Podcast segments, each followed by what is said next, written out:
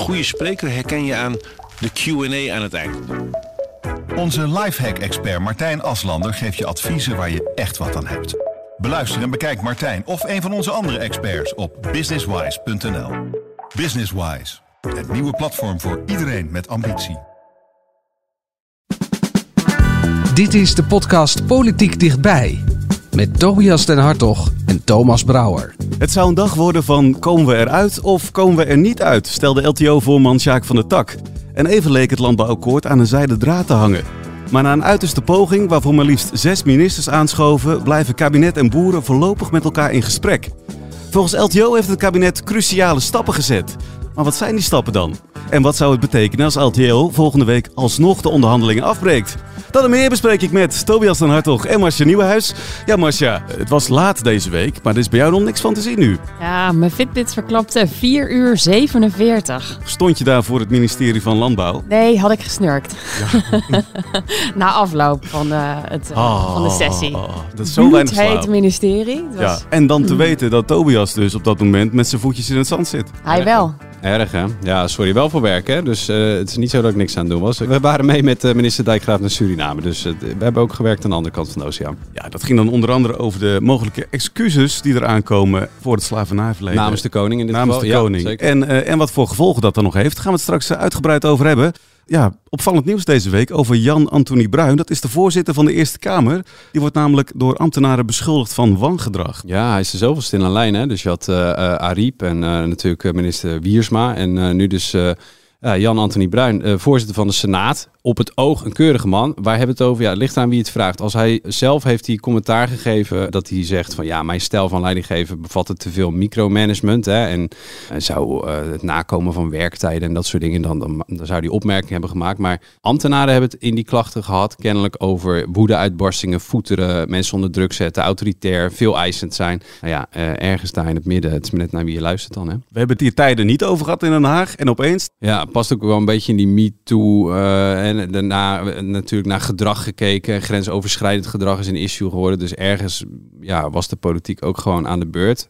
Wat bij Bruin wel opvallend is, is dat hij op het oog een, een, tamelijk steile, onkreukbare man is. Maar eh, we hebben ook wel een beetje rondgebeld van, eh, goh, hebben, we dan, hebben we ons dan zo ver- verkeken? En nou, het antwoord is misschien wel ja. In de zin van dat mensen wel zeggen, ja, het is wel een man met twee gezichten. Dus naar buiten en voor de camera. En eh, is, het, is het daar allemaal tamelijk netjes en keurig en eh, eh, alles met twee woorden.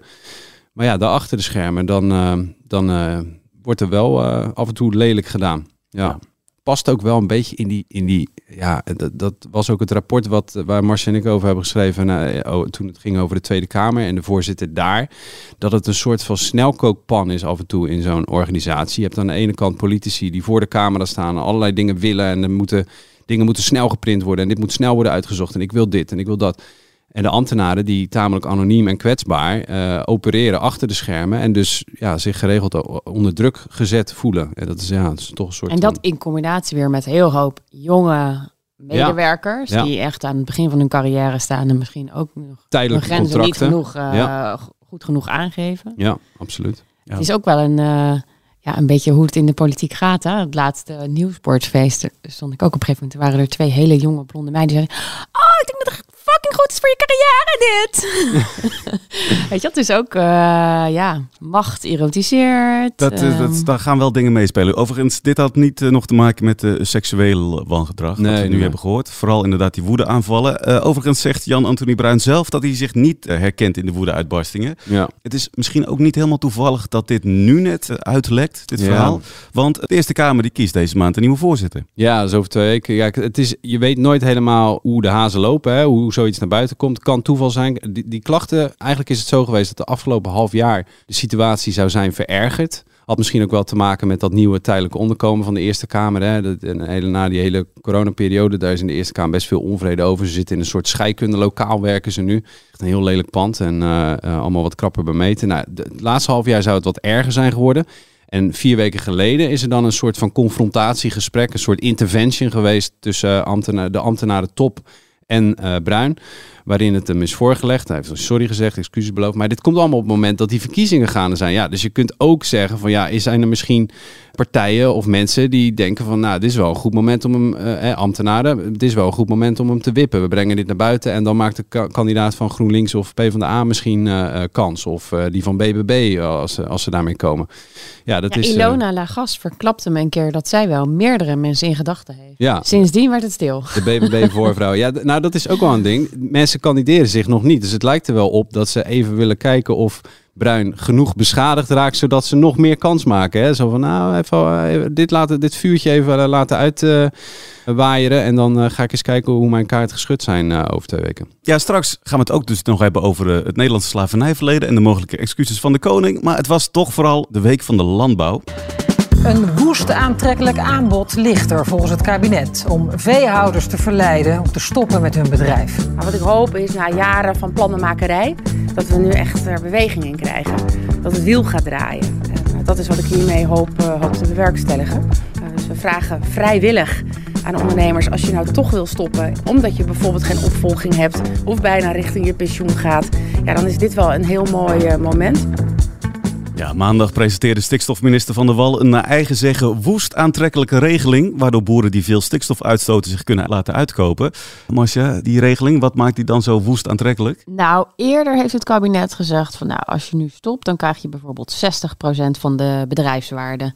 Inmiddels is dat opgelopen tot 120% van de waarde van het bedrijf. Dus we hebben dat een keer uitgerekend voor een gemiddelde, uh, iemand zeg maar met een gemiddeld aantal koeien, een stuk 100 of zo kwamen we uit op 4,8 miljoen. En de belasting eet dan nog wel aardig mee, maar dan hou je toch nog 2,7 of 2,9 miljoen over. En dan mag je de grond nog houden. Dus dan kan je ook bedenken van nou, ik ga stoppen met als boer, maar ik word, uh, ik, nee, ik begin een, uh, een bed and breakfast of, of weet ik veel. Je, je kan misschien je kinderen uitnodigen op je bedrijf en daar laten wonen. Dan hebben die ook geen woonkosten meer. Dus in die zin zegt Van der Wal ook financieel aantrekkelijker dan dit wordt het niet. Want ze is wel van plan om het vanaf nu dan af te gaan bouwen. Dus het is eigenlijk een soort drukmiddel tot april om je te melden. Ja. En dan is deze kans verkeken. Dus uh, daarna uh, ja, wordt het nooit meer zo financieel aantrekkelijk. Hè? Dat geld wat er is, dat is er voor gereserveerd. Hè? Dat is 25 uh, miljard bijna.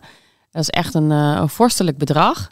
Overigens hoorde ik ook wel dat op het ministerie van Financiën er wel echt twijfels bij worden gezet over hoe doelmatig dit geld wordt besteed. Hè? Want er wordt nu voor gekozen om het, deze, deze regeling aan te bieden aan liefst 3000 boeren. Terwijl in oktober uh, kwam Remkes met zijn uh, stikstofadvies. En toen had hij het nog over 500 tot 600 boeren snel binnen een jaar uitkopen. Dat maakt wel even verschil natuurlijk. Precies, dus, dit, dus, dus stel dat heel veel mensen zich gaan melden, die bijvoorbeeld niet de aller, allergrootste van die 3000 zijn, dan uh, wordt dit wel echt een prijzig avontuurtje. En melden de boeren zich nu massaal? Volgens mij staat de teller op ongeveer 9000 die het hebben ingevuld. ja, en dan, weet je natuurlijk nog niet. Hè? Ja, precies. Er is een website gelanceerd en dan daarop kan je dus invullen. Moet je al je gegevens invullen. Dus niet, niet eenvoudig. Dus het is niet zo van uh, adres, naam, aantal koeien en klaar. Mm.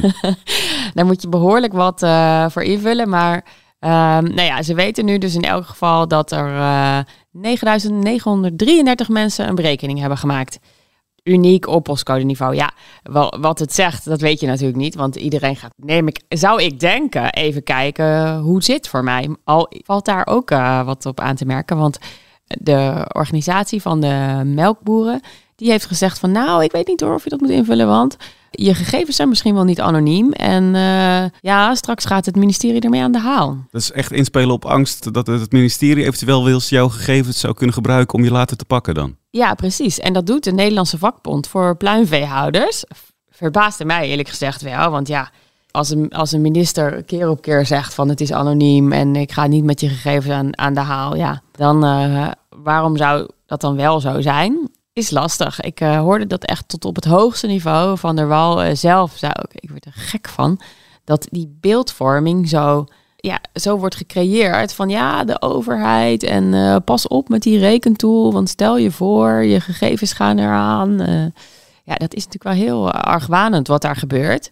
En ook wel lastig, denk ik. Want wat gaat van der Wal doen? Behalve nog 28 keer zeggen: ik ga je gegevens niet gebruiken. Nee, en als je de overheid niet gelooft, dan geloof je Van der Wal ook niet. Dus dan helpt dat ook niet als ze dat belooft. Nee, helpt niet. Maar goed, dus uit die cijfers kan je wel zeggen dat in elk geval eh 9000 boeren het al hebben geprobeerd. En dat zou dus nog veel meer kunnen zijn als die argwaan er niet was. Van der Wal zei daar zelf dit over. Wat ik merk is dat er heel veel argwaan eh, ook onderling tussen de boeren zit. En dat boeren onderling elkaar aanspreken van je gaat toch geen zaken doen met de overheid. Ehm, en wat ik hoop is dat we met elkaar dat patroon doorbreken en eigenlijk naar positiviteit gaan. We gaan helpen. Het is vrijwillig. Laten we nou met elkaar kijken hoe we die beweging op gang kunnen brengen. In plaats van elkaar nou, bijna intimideren op het boerenerf. Want het gebeurt op dit moment gewoon. eh, dat iemand bijvoorbeeld zaken doet met de overheid. En nou, dat zou mijn hartekreet zijn. Eh, laten we dit eh, ontluchten. En de komende maanden met elkaar gaan kijken hoe we die grote stappen kunnen zetten. Ja, wat dan misschien helpt is dat LTO bijvoorbeeld wel heel enthousiast is over deze plannen. Ja, die zij hebben dus in elk geval wel met ehm, enthousiasme ontvangen dat, dat de regeling er eindelijk is. Hè. We moesten er ook lang op wachten. Mhm. Dus in dat opzicht is het wel een, ehm, een lichtpuntje. Al is het wel zo dat nog niet de Van der Wal het aardig. Die zei ja, we hebben nu een aantal regelingen. En één, zoals die piekbelastersregeling, die gaat echt al nu. Dus daar kan je echt nu de berekening voeren en eh, zien wat het wordt. Maar er zijn nog meer eh, opties voor boeren. Je kan bijvoorbeeld ook denken aan eh, met innovatie wat doen of verplaatsen. En nog niet al die rekeningen, regelingen staan open. Dus dat is wel lastig in die zin dat je nu nog niet het complete overzicht hebt. Daar balen de boeren dan wel weer van. Ja, je bent nog niet in één keer zeker van hoe en wat. Nee, maar aan het eind van dit jaar zouden ze alle, allemaal tegelijk open moeten staan. En dan heb je dus ook het totaalplaatje van nou, eh, hoe gaat het er voor mij uitzien? Ja. Ja. het is heel spannend of er genoeg boeren zich gaan melden. Want om even, even zeg maar uit te zoomen. Het probleem is natuurlijk nog steeds dat er te veel stikstof is. Hè. Die emmer van de stikstof zit helemaal vol. Daardoor kunnen we bijvoorbeeld ook niet bouwen. Eh, is er geen ruimte voor extra stikstofuitstoot. En daardoor zou je nu moeten zeggen van nou, al die die, die, die echt grote piekbelasters, daar doen we nu snel wat aan, zodat er ook weer meer ruimte ontstaat om bijvoorbeeld woningen te bouwen. Ja, wat dan ook zou helpen om dat eh, te creëren is als er een landbouwakkoord komt. Daar zijn ja, de boerenorganisatie LTO en het kabinet al, al tijden voor eh, met elkaar in gesprek. Deze week leek er opeens een breukje in die, eh, in die kabel te, te zitten. Want LTO die gaf aan dat ze misschien wel uit die onderhandelingen wilden stappen. En na urenlang overleg met een kabinetsdelegatie kon dat nog net worden voorkomen. Ja, we hebben een heel goed gesprek gehad, eh, ook indringend, eh, over een natuurlijk heel moeilijk onderwerp. Daarbij hebben wij de belangrijkste elementen stevig op tafel gelegd. Het gaat immers voor ons en voor onze boeren om perspectief. En daarbij gaat het erom dat het kabinet heeft bewogen. Inderdaad, eh, we hebben ook als kabinet echt stappen kunnen zetten, denk ik, eh, in de richting van LTO. Zoals ik altijd al gezegd heb, het is ongelooflijk belangrijk dat het landbouwakkoord komt. En het is allereerst belangrijk voor de agrarische sector, voor de boeren waar het om gaat. Het is belangrijk voor eh, de, de toekomst van de jonge boeren. Het is belangrijk ook voor het vertrouwen. Eh, we hebben het vanavond ook nog weer over het vertrouwen gehad eh, met, de met de agrarische partijen. En wat heeft deze avond nou opgeleverd? Eh, dat we denk ik echt ook het vertrouwen verder is toegenomen. We gaan eh, dinsdag verder praten met het doel er volgende week uit te zijn. Volgende week spreken wij verder met het kabinet en dan tot de beslissing hom of kuit. Nou, Hom of Kuit, eh, volgens mij betekent dat in dit geval, geval dat er of volgende week een akkoord is, of dus volgende week geen akkoord. Ja, daar kwamen LTO en het kabinet eigenlijk toch redelijk eensgezind eh, naar buiten. Hoe spannend is het nou uiteindelijk geweest? Nou, ik heb wel gehoord dat het er gewoon rustig aan toe ging. Maar goed, het is natuurlijk niet voor niks dat er zes ministers aanschuiven. Hè. Dat is in dit hele proces nog niet eerder gebeurd. Dat is toch een hal- half eh, kabinet wat daar urenlang eh, zit en eh, om tafel eh, zit om, om te kijken of ze niet toch nog tot een oplossing kunnen komen. Dus in die zin is het wel eh, ja, do or die, hè? zoals eh, LTO ook schetste. En ik denk dat het er het kabinet ook echt heel veel aan gelegen is om hier nog uit te komen. Dat zie je ook wel aan de, de stappen die ze nu maken. hè. Want ze zijn. ze hebben toen s'avonds heel lang overlegd van hoe kunnen we nou er toch nog uitkomen. Dat was ook de reden voor het kabinet om bijvoorbeeld het hele bestuur van, eh, het L- van de LTO uit te nodigen. Omdat ook eh, Noord en Zuid, die moeten dit ook eh, kunnen uitleggen naar hun achterban. Alle regiobazen waren dus nu ook erbij. Alle regiobazen waren vertegenwoordigd. In de hoop dus er nog uit te komen. Want kijk, wat er eigenlijk aan de hand is, je hebt de, die piekbelastersregeling.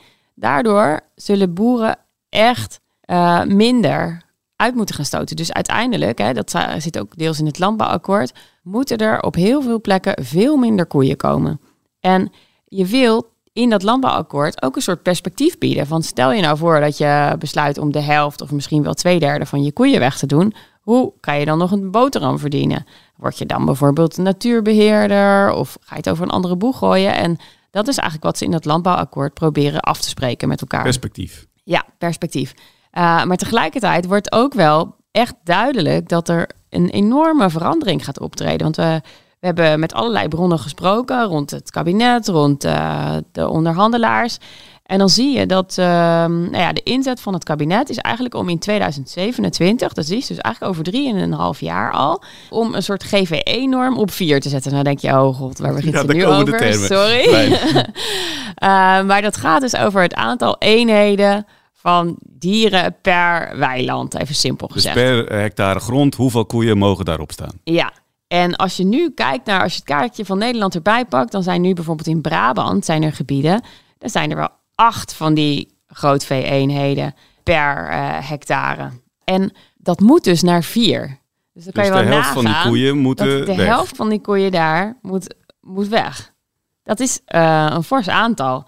En dus moet die man van LTO Zuid, die moet dit ook kunnen uitleggen aan zijn achterban. Dus nu, eh, een van de stappen die het kabinet overweegt, is om eh, niet één landelijke norm te zeggen van hops, we rollen dit uit over het hele land. Maar om op de een of andere manier, bijvoorbeeld of door iets meer tijd te komen, of door kopen, of door het regionaal te spreiden.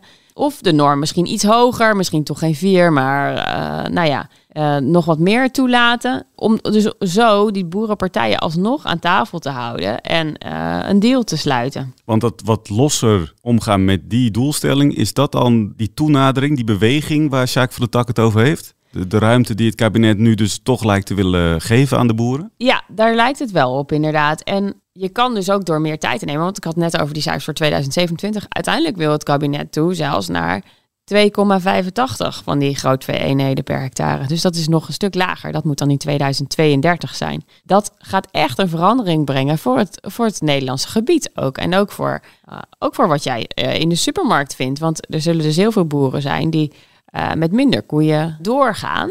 En dus kan, kan het ook betekenen dat andere partijen, bijvoorbeeld de Rabobank, bijvoorbeeld de supermarkten, die moeten ook een wat meer bijdrage gaan, gaan leveren aan uh, de boerenproducten om het nog betaalbaar te houden. Dus, ja, uh, want dus zij als moeten. je dus inderdaad minder koeien en je moet er wel van gaan blijven leven, dan moet of het vlees wordt uh, duurder of je krijgt inderdaad... Het vlees dan... zou best eens duurder kunnen worden. De eieren kunnen duurder worden.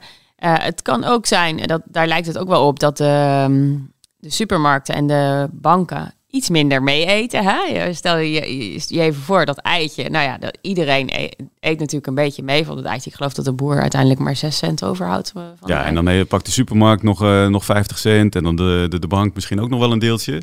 En zo komen we uiteindelijk tot de prijs die je in de supermarkt betaalt. Als de supermarkt dus wat minder verdient en de bank wat minder verdient, dan houdt de boer misschien wel wat meer over. Ja. Of, ja. Of moet de consument een stuk meer gaan betalen. Of moeten consumenten een stukje meer gaan betalen? Dat wordt natuurlijk wel lastig, want je zou ook kunnen zeggen van... nou ja, dan neem ik niet dat Nederlandse eitje... maar dan neem ik uh, een wat goedkoper eitje uit uh, Polen of... Uh, ja, en, daar, en daarvoor moeten Nederlandse boeren dus ook dan beschermd worden. Dus het is een heel pakket aan dat soort maatregelen... waarmee het boeren ook in de toekomst kunnen blijven werken. Het lijkt mij toch wel een lastig spel nu ook ja, aan, die, aan die onderhandelingstafel. Want het kabinet, zei je net al, is heel erg gebrand om dit akkoord binnen te halen... LTO moet het kunnen verantwoorden naar uh, hun achterban. Hoe gaat dit kaartspel dan zo aan zo'n onderhandelingstafel? Nou ja, kijk, in zijn algemeenheid, je, ziet hoe ze naar buiten komen met die boodschap. Hè, dat uh, uh, Van de Tak zegt, het kabinet heeft bewogen. En Rutte zegt, ja, wij hebben stappen gezet richting de boeren. Dus wat is het signaal naar de achterbannen van de boeren? Hè, even gecommuniceerd over de hoofden van de televisiekijkers en krantenlezers heen. Is, LTO heeft er iets uitgehaald. En het kabinet heeft iets toegegeven. Nou, dat is voor... Uh, Rutte echt geen, uh, geen enkel probleem. Die wil gewoon uiteindelijk een akkoord. En Van de Tak moet kunnen uitleggen van... joh, ik heb het onderste uit de kan gehaald en meer zit er niet in. Als we nu niet die regelingen pakken... als we nu niet bewegen of in ieder geval meedoen met het kabinet... ja, dan gaan er nooit meer dit soort regelingen komen. Nee, en dan is die, die grote pot geld is misschien straks ook ja, weg. die is dan weg. Ja, want de volgende kabinet staat misschien helemaal niet meer toegenegen. Dus op zich, dat is niet louter toneel. Dat is misschien ook echt wel wat er aan de hand is. Maar ze venten dat natuurlijk wel op deze manier uit. Overigens... Er schoof een kabinetsdelegatie aan, maar wie was er niet? Wopke Hoekstra. Is natuurlijk vast en zeker hartstikke logisch. Want wat doet de minister van Buitenlandse Zaken bij- een, eh, bij een landbouwoverleg? Hè? Eh, Hugo de Jonge zat er wel namens CDA. Nou, die doet wonen, dat grijpt in met stikstof enzovoort. Maar ik vind het nog steeds wel een klein beetje ongemakkelijk dat de CDA-leider die de knuppel in het hoenderhoek gooide over die eh 2035 en de doelstellingen die gehaald moesten worden. Nou, eh, de, er moest een landbouwakkoord komen, vond de CDA. Eerst een landbouwakkoord, dan gaan we wel eens kijken naar dat jaartal waar zoveel om te doen was in het kabinet. Ja, en die, eh, die laat dan verstek gaan. Ik vind dat niet eh, ergens allemaal hartstikke te verklaren, maar ergens ook niet zo heel sterk. Dus ik, ik ja, ik ben De benieuwd. verklaring is overigens ervoor dat eh, de ruimtelijke hoek, zoals ze dat Ja, noemen, dus wonen is dan belangrijk Dus en wegen. wonen, en- infrastructuur buitenlandse en zaken past er niet bij. Nee. Nee. maar ik vind wel als CDA-leider, ja, je drukt toch wel een beetje je snor en het zal allemaal wel. Maar ehm, ja, het niet zo sterk. Ja, volgende week eh, praten kabinet en LTO Nederland verder. Dan komt er wat meer duidelijkheid. Wordt het dan ook weer zo spannend als het deze week dan was? Nou ja, de, de beslissing is nog steeds niet genomen. Dus ze proberen wel hè, te polderen, zoals eh, het, een, het, het goed Nederlandse gebruik eh, betaamt. Maar het is nog maar de vraag of dat ook echt gaat lukken. En eh, wat, wat kan natuurlijk is dat er een soort akkoord uitkomt waar ze geen handtekening onder kan zetten. Wat kan is dat eh, LTO gaat zeggen van nou, ik leg het voor aan de achterban en dan gaan we kijken wat de achterban ervan vindt.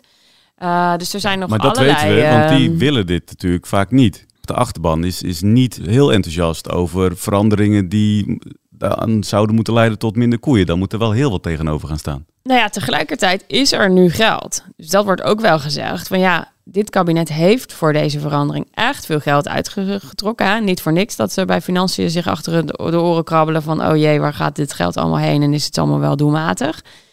Eh, dus in die zin zou je ook kunnen zeggen van... nou, nu dit geld er is, gaan we daar in elk geval mee aan de slag. Kijk, beter wordt het niet voor de boeren, is wat het kabinet nu zegt. Hè? Mhm. Uh, dus je zou ook kunnen zeggen van, nou ja, dit geld, dat innen we vast. En dan gaan we daarna wel kijken in de volgende verkiezingen, als uh, andere partijen misschien groter worden, of er voor die boeren meer andere dingen te halen zijn. Maar dit geld, dat is nu beschikbaar. Stel nou dat het niet lukt, dat het toch breekt en LTO uh, zegt uh, wij, wij praten niet meer. Wat zou dat dan betekenen? Of is dat eigenlijk een, een scenario wat niet, niet gaat nou, gebeuren?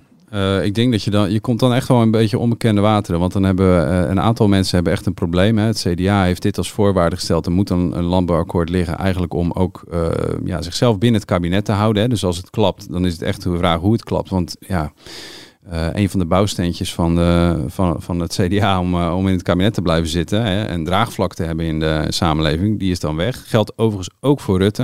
Ik bedoel, uiteindelijk is het zijn kabinet. Het landbouwakkoord is een soort van polderding wat iedereen heel erg belangrijk vindt. Van ja, als we uh, die boeren niet aan onze kant hebben, ja, dan wordt het politiek gezien ook gewoon heel ingewikkeld. Want dan uh, uh, wordt die druk weer groot. Hè? Je zou weer acties kunnen krijgen of wat dan ook. Maar je, je, wil, als je dit ingrijpend doet, dat ook met de mensen zelf doen. Daar is het steeds op gericht geweest. Daarom is Remkes er ook bij gehaald enzovoort.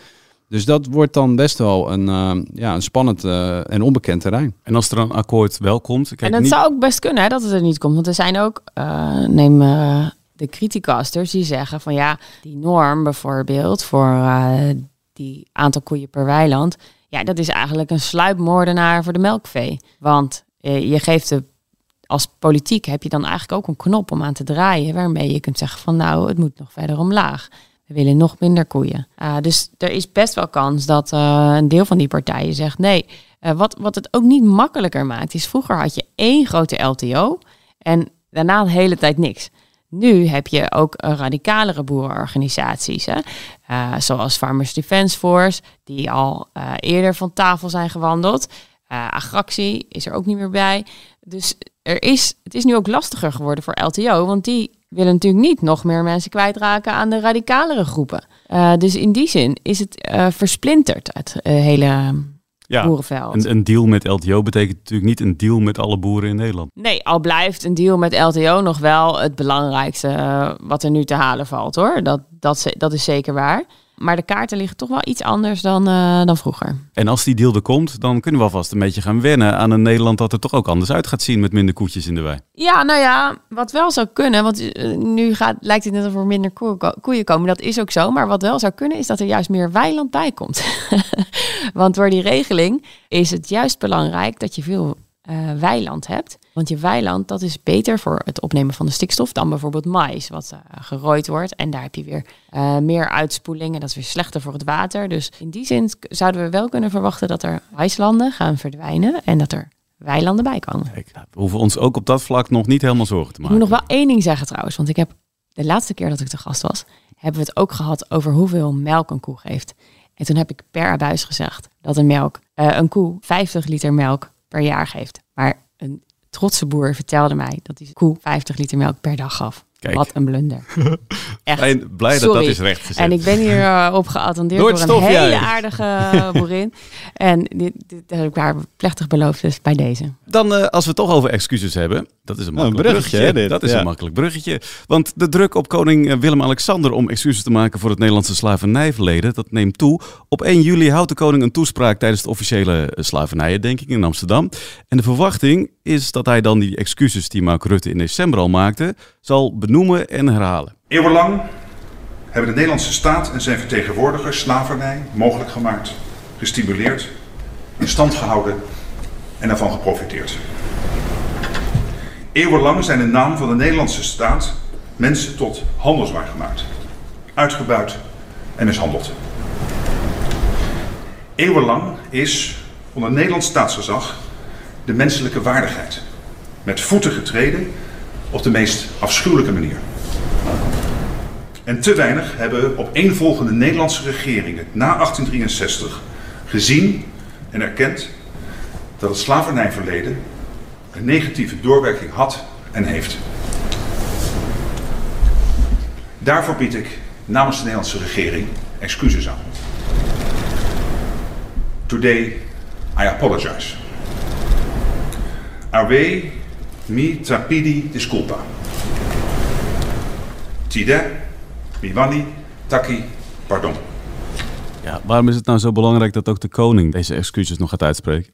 Ja, je kunt je afvragen uh, hoe belangrijk men dat vindt. Hè? Uh, uh, op de eilanden wordt daar wel iets anders tegenaan gekeken dan bijvoorbeeld in Suriname. Maar uh, het heeft natuurlijk symbolische waarde. Hè? Dus de, de koning is zeg maar een stabiele factor in het land. Hè? Die blijft. hij wordt opgevolgd door, een, door zijn dochter natuurlijk en een voorganger. Maar het is een, een instituut dat dan sorry zegt en niet een premier die uh, straks weer weg is. En natuurlijk, die premier doet het namens het kabinet en ook dat kabinet wordt opgevolgd. Maar het heeft ja, een andere lading. Maar je kunt je wel afvragen of überhaupt uh, ja, hoe zwaar aan wordt geteeld. Bijvoorbeeld in Suriname, daar heb ik iets meer zicht op. Uh, omdat je daar net bent geweest? Omdat ik daar net ben geweest. En ik was in december ook toen die excuses werden gemaakt. Ja, dit leeft gewoon niet onder de mensen. Dit leeft gewoon niet op straat. Ik sprak van de week een juf op een basisschooltje, Hannes Lust in uh, Paramaribo. En uh, de vroegen van, goh, wat vond u destijds van die, uh, van die excuses? De vroeg welke excuses? Ja, van, van het kabinet voor het slavernijverleden. Oh, dat, ja, nee, dat heb ik destijds niet gezien. Ja, ik heb dat wel gehoord, maar... Dus en natuurlijk is het N is één, maar het is daar niet talk of the town. het gaat daar over de hoge inflatie en over de hoge dieselprijzen. Dus ja, als het gaat over excuses, is dat een ja, uh, iets wat in, in regeringskringen en bij belangengroepen heel zwaar weegt. Absoluut, heel belangrijk. Maar het is niet dat uh, die landen in de greep zijn van gaat de koning wel of geen sorry zeggen. Dus je moet dat wel een, een klein beetje uh, in perspectief blijven zien. Ja, toch was er ook dat onderzoek van Ja. één vandaag, waaruit wel bleek dat een grote meerderheid het wel belangrijk vindt als de koning dat zou doen. Dus dat staat ook als een paal boven water, absoluut. En, en, en, de koning, hè, niet helemaal eh, toevallig dat we het hier over hebben. Eh, Gisteren kwam, eh, werd duidelijk dat er verrijking ook door de Oranjes is geweest via het kolonialisme. Slavernij is daar een onderdeel van. Hè. Ze hebben daar, geloof ik, een dik half miljard mee verdiend, als je het zou omrekenen, de Oranjes. Ze hebben ook gewoon een eigen rol. En ik verwacht niet overigens dat eh, Willem-Alexander in zijn speech op 1 juli daar nou precies heel eh, naar zal verwijzen. Hè? Naar die zelfverrijking, zullen maar zeggen. Want er loopt nog een officieel onderzoek dat hij heeft ingesteld. Hè. Dit is van de, de ene historicus. En hij heeft zelf nog een onderzoek in laten stellen naar de rol van de Oranjes en het slavernijverleden. Nou, dat loopt nog. Dat duurt echt nog wel een paar jaar voordat het af is. Eh, maar goed, misschien dat hij er wel nou ja, subtiel naar zal verwijzen. Ja, intussen is de overheid dus wel bezig. Ja. Hè? 1 juli zou de dag zijn dat er eigenlijk de start is van Ja. een jaar vol herdenking van het Nederlandse slavernijverleden. Minister Dijkgraaf is dan de man die eh, de kaart trekt. Hè? Ja, dit is wel. Je had destijds die rommelige aanloop naar excuses. Hè, van wie ging nou waar sorry zeggen. Hè? Je had, eh, eh, Rutte deed het uiteindelijk in Den Haag. En dan waren er ministers op alle eilanden en in Suriname om ja, die excuses toe te lichten. Maar even leek het erop dat Frank Weerwind, de gekleurde minister van rechtsbescherming sorry zou gaan zeggen in Suriname. Nou, dat vonden mensen daar wel iets van. Zo van, ja, dan is het een nazaat van een tot slaaf gemaakte, gemaakte die sorry komt zeggen namens de regering.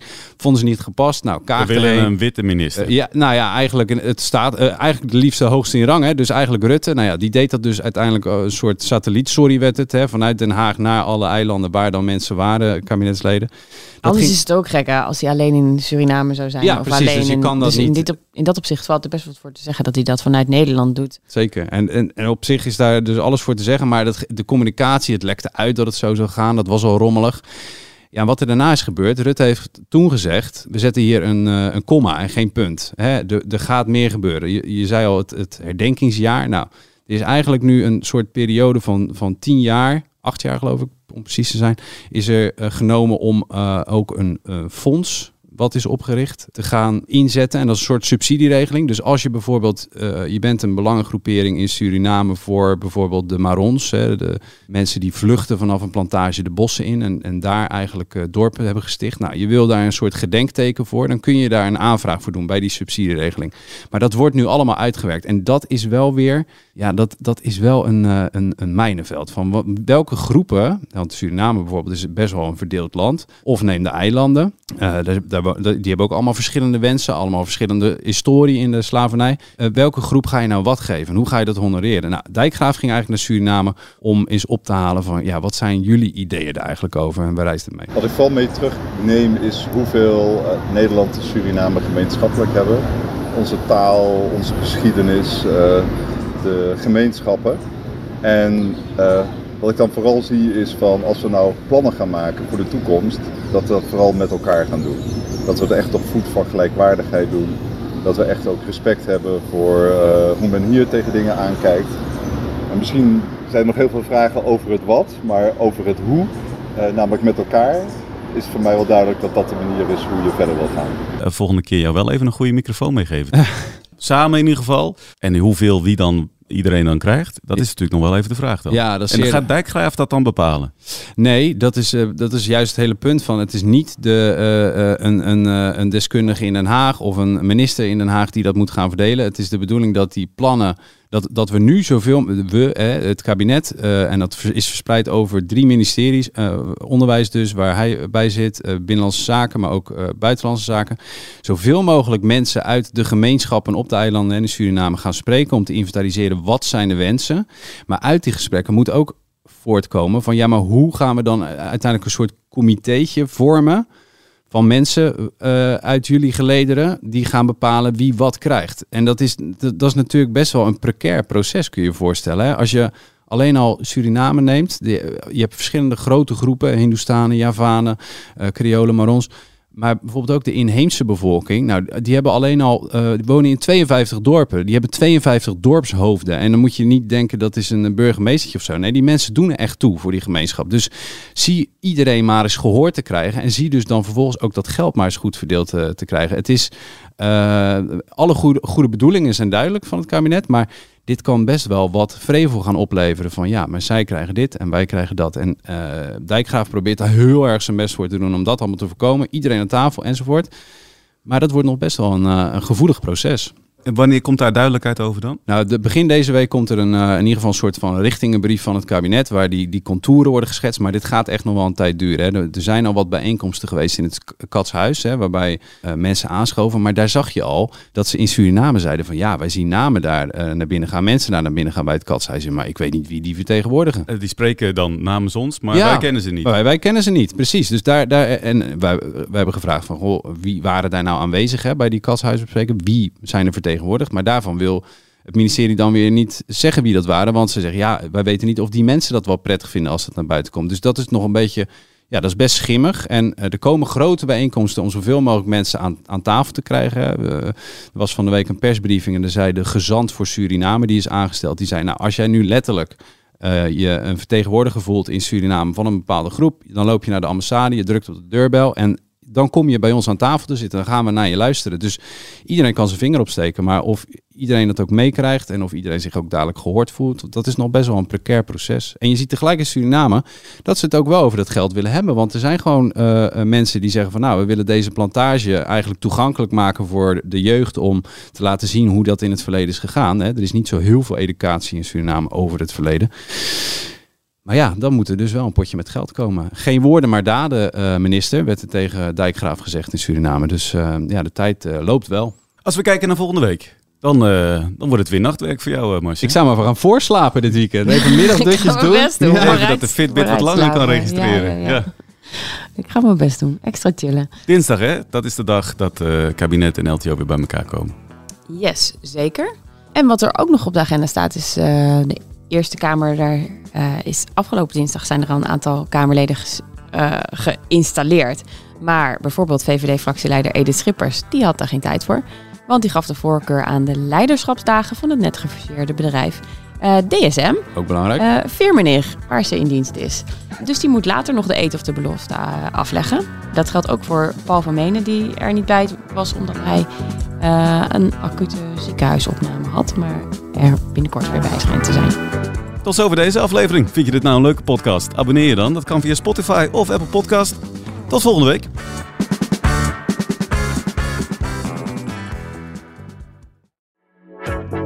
Mensen luisteren niet naar wat je zegt, maar kopiëren wat je doet. Onze vitaliteitsexpert Martin Hersman helpt je te focussen op wat echt belangrijk is. Beluister en bekijk Martin of een van onze andere experts op businesswise.nl. Businesswise, het nieuwe platform voor iedereen met ambitie.